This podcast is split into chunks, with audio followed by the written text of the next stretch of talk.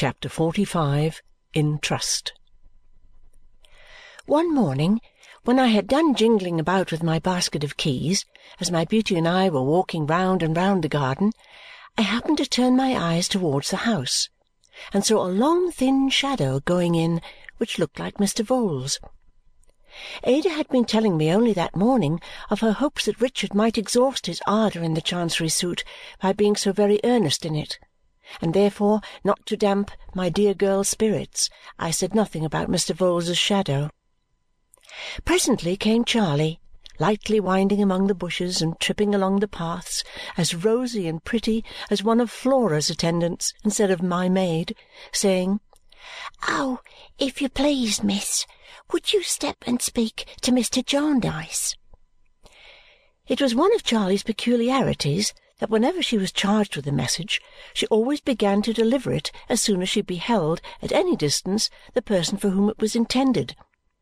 Therefore I saw Charley asking me in her usual form of words to step and speak to Mr. Jarndyce long before I heard her, and when I did hear her she had said it so often that she was out of breath. I told Ada I would make haste back and inquired of Charley as we went in whether there was not a gentleman with Mr. Jarndyce, to which Charley, whose grammar, I confess to my shame, never did any credit to my educational powers, replied, Yes, miss, him has come down in the country with Mr. Richard. A more complete contrast than my guardian and Mr. Vholes I suppose there could not be. I found them looking at one another across a table, the one so open and the other so close, the one so broad and upright and the other so narrow and stooping, the one giving out what he had to say in such a rich ringing voice and the other keeping it in in such a cold-blooded, gasping, fish-like manner that I thought I never had seen two people so unmatched. "You know Mr. Vholes, my dear?" said my guardian, not with the greatest urbanity, I must say. Mr. Vholes rose, gloved and buttoned up as usual, and seated himself again just as he had seated himself beside Richard in the gig. Not having Richard to look at, he looked straight before him. "Mr. Vholes," said my guardian, eyeing his black figure as if he were a bird of ill omen, "has brought an ugly report of our most unfortunate Rick." Laying a marked emphasis on most unfortunate, as if the words were rather descriptive of his connexion with Mr. Vholes. I sat down between them. Mr. Vholes remained immovable, except that he secretly picked at one of the red pimples on his yellow face with his black glove. And as Rick and you are happily good friends, I should like to know," said my guardian, "what you think, my dear. Would you be so good as to as to speak up, Mr. Vholes?" Doing anything but that, Mr. Vholes observed, "I have been saying that I have reason to know, Miss Summerson, as Mr. C.'s professional adviser, that Mr. C.'s circumstances are at the present moment in an embarrassed state not so much in point of amount as owing to the peculiar and pressing nature of liabilities Mr. C. has incurred and the means he has of liquidating or meeting the same. I have staved off many little matters for Mr. C., but there is a limit to staving off, and we have reached it. I have made some advances out of pocket to accommodate these unpleasantnesses, but I necessarily look to being repaid, for I do not pretend to be a man of capital and I have a father to support in the Vale of Taunton, besides striving to realize some little independence for three dear girls at home. My apprehension is, Mr. C.'s circumstances being such, lest it should end in his obtaining leave to part with his commission, which at all events is desirable to be made known to his connections. Mr. Vholes, who had looked at me while speaking, here emerged into the silence he could hardly be said to have broken, so stifled was his tone and looked before him again. "Imagine the poor fellow without even his present resource," said my guardian to me. "Yet what can I do? You know him, Esther. He would never accept of help from me now.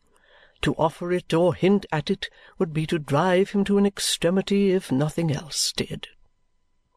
Mr. Vholes hereupon addressed me again. What Mr. Jarndyce remarks, miss, is no doubt the case and is the difficulty. I do not see that anything is to be done. I do not say that anything is to be done. Far from it. I merely come down here under the seal of confidence and mention it in order that everything may be openly carried on and that it may not be said afterwards that everything was not openly carried on. My wish is that everything should be openly carried on. I desire to leave a good name behind me. If I consulted merely my own interests with Mr. C., I should not be here. So insurmountable, as you must well know, would be his objections. This is not a professional attendance. This can be charged to nobody. I have no interest in it except as a member of society and a father and a son," said Mr. Vholes, who had nearly forgotten that point. It appeared to us that Mr. Vholes said neither more nor less than the truth in intimating that he sought to divide the responsibility, such as it was, of knowing Richard's situation. I could only suggest that I should go down to Deal, where Richard was then stationed, and see him, and try if it were possible to avert the worst. Without consulting Mr. Vholes on this point, I took my guardian aside to propose it, while Mr. Vholes gauntly stalked to the fire and warmed his funeral gloves. The fatigue of the journey formed an immediate objection on my guardian's part, but as I saw he had no other, and as I was only too happy to go, I got his consent. We had then merely to dispose of Mr. Vholes. "Well, sir," said Mr. Jarndyce. Miss Summerson will communicate with Mr. Carstone, and you can only hope that his position may be yet retrievable. You will allow me to order you lunch after your journey, sir?" "I thank you, Mr. Jarndyce," said Mr. Vholes, putting out his long black sleeve to check the ringing of the bell. Not any, I thank you, no, not a morsel. My digestion is much impaired, and I am but a poor knife and fork at any time. If I was to partake of solid food at this period of the day, I don't know what the consequences might be. Everything having been openly carried on, sir, I will now, with your permission, take my leave." "And I would that you could take your leave, and we could all take our leave, Mr. Vholes," returned my guardian bitterly of a cause you know of." Mr. Vholes, whose black dye was so deep from head to foot that it had quite steamed before the fire, diffusing a very unpleasant perfume, made a short one-sided inclination of his head from the neck and slowly shook it. We whose ambition it is to be looked upon in the light of respectable practitioners, sir, can but put our shoulders to the wheel. We do it, sir at least I do it myself, and I wish to think well of my professional brethren, one and all. You are sensible of an obligation not to refer to me, miss, in communicating with Mr. C." I said I would be careful not to do it. Just so, miss. Good morning, Mr. Jarndyce. Good morning, sir.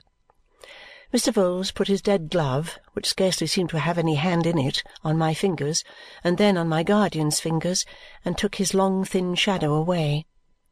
I thought of it on the outside of the coach, passing over all the sunny landscape between us and London, chilling the seed in the ground as it glided along. Of course it became necessary to tell Ada where I was going and why I was going, and of course she was anxious and distressed but she was too true to Richard to say anything but words of pity and words of excuse, and in a more loving spirit still, my dear devoted girl, she wrote him a long letter, of which I took charge. Charley was to be my travelling companion, though I am sure I wanted none and would willingly have left her at home. We all went to London that afternoon, and finding two places in the mail, secured them at our usual bedtime, Charley and I were rolling away seaward with the Kentish letters.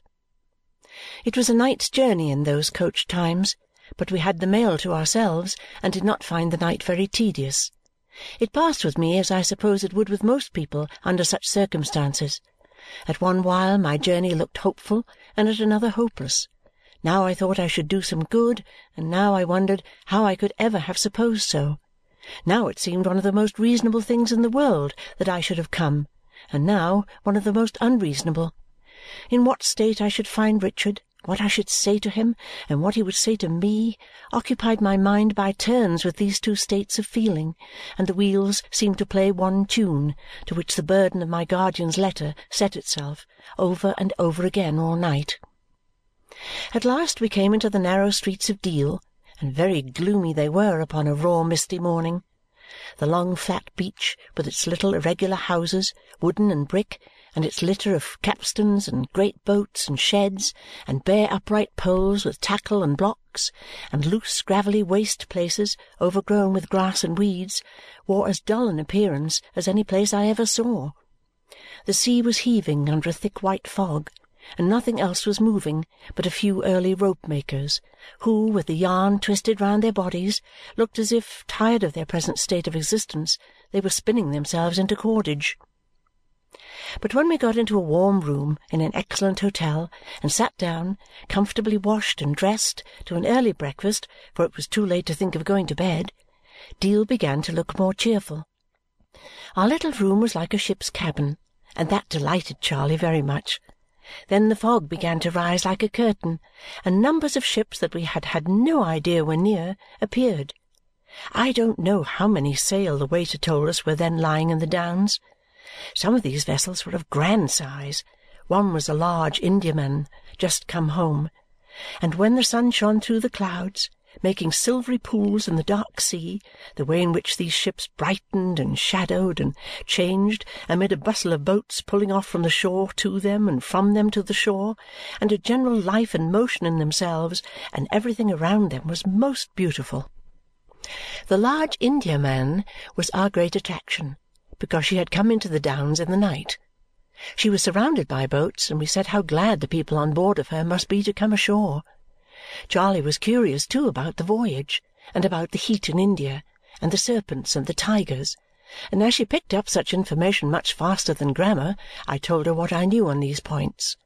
I told her, too, how people in such voyages were sometimes wrecked and cast on rocks, where they were saved by the intrepidity and humanity of one man and Charley asking how that could be, I told her how we knew at home of such a case. I had thought of sending Richard a note saying I was there, but it seemed so much better to go to him without preparation. As he lived in barracks, I was a little doubtful whether this was feasible, but we went out to reconnoitre. Peeping in at the gate of the barrack yard, we found everything very quiet at that time in the morning, and I asked a sergeant standing on the guard-house steps where he lived. He sent a man before to show me, who went up some bare stairs and knocked with his knuckles at a door and left us. "Now then!" cried Richard from within. So I left Charley in the little passage and going on to the half-opened door said, "Can I come in, Richard? It's only Dame Durden." He was writing at a table with a great confusion of clothes, tin cases, books, boots, brushes, and portmanteaus strewn all about the floor. He was only half dressed, in plain clothes I observed, not in uniform, and his hair was unbrushed, and he looked as wild as his room. All this I saw after he had heartily welcomed me and I was seated near him, for he started upon hearing my voice and caught me in his arms in a moment. Dear Richard, he was ever the same to me. Down, too. Ah, poor, poor fellow!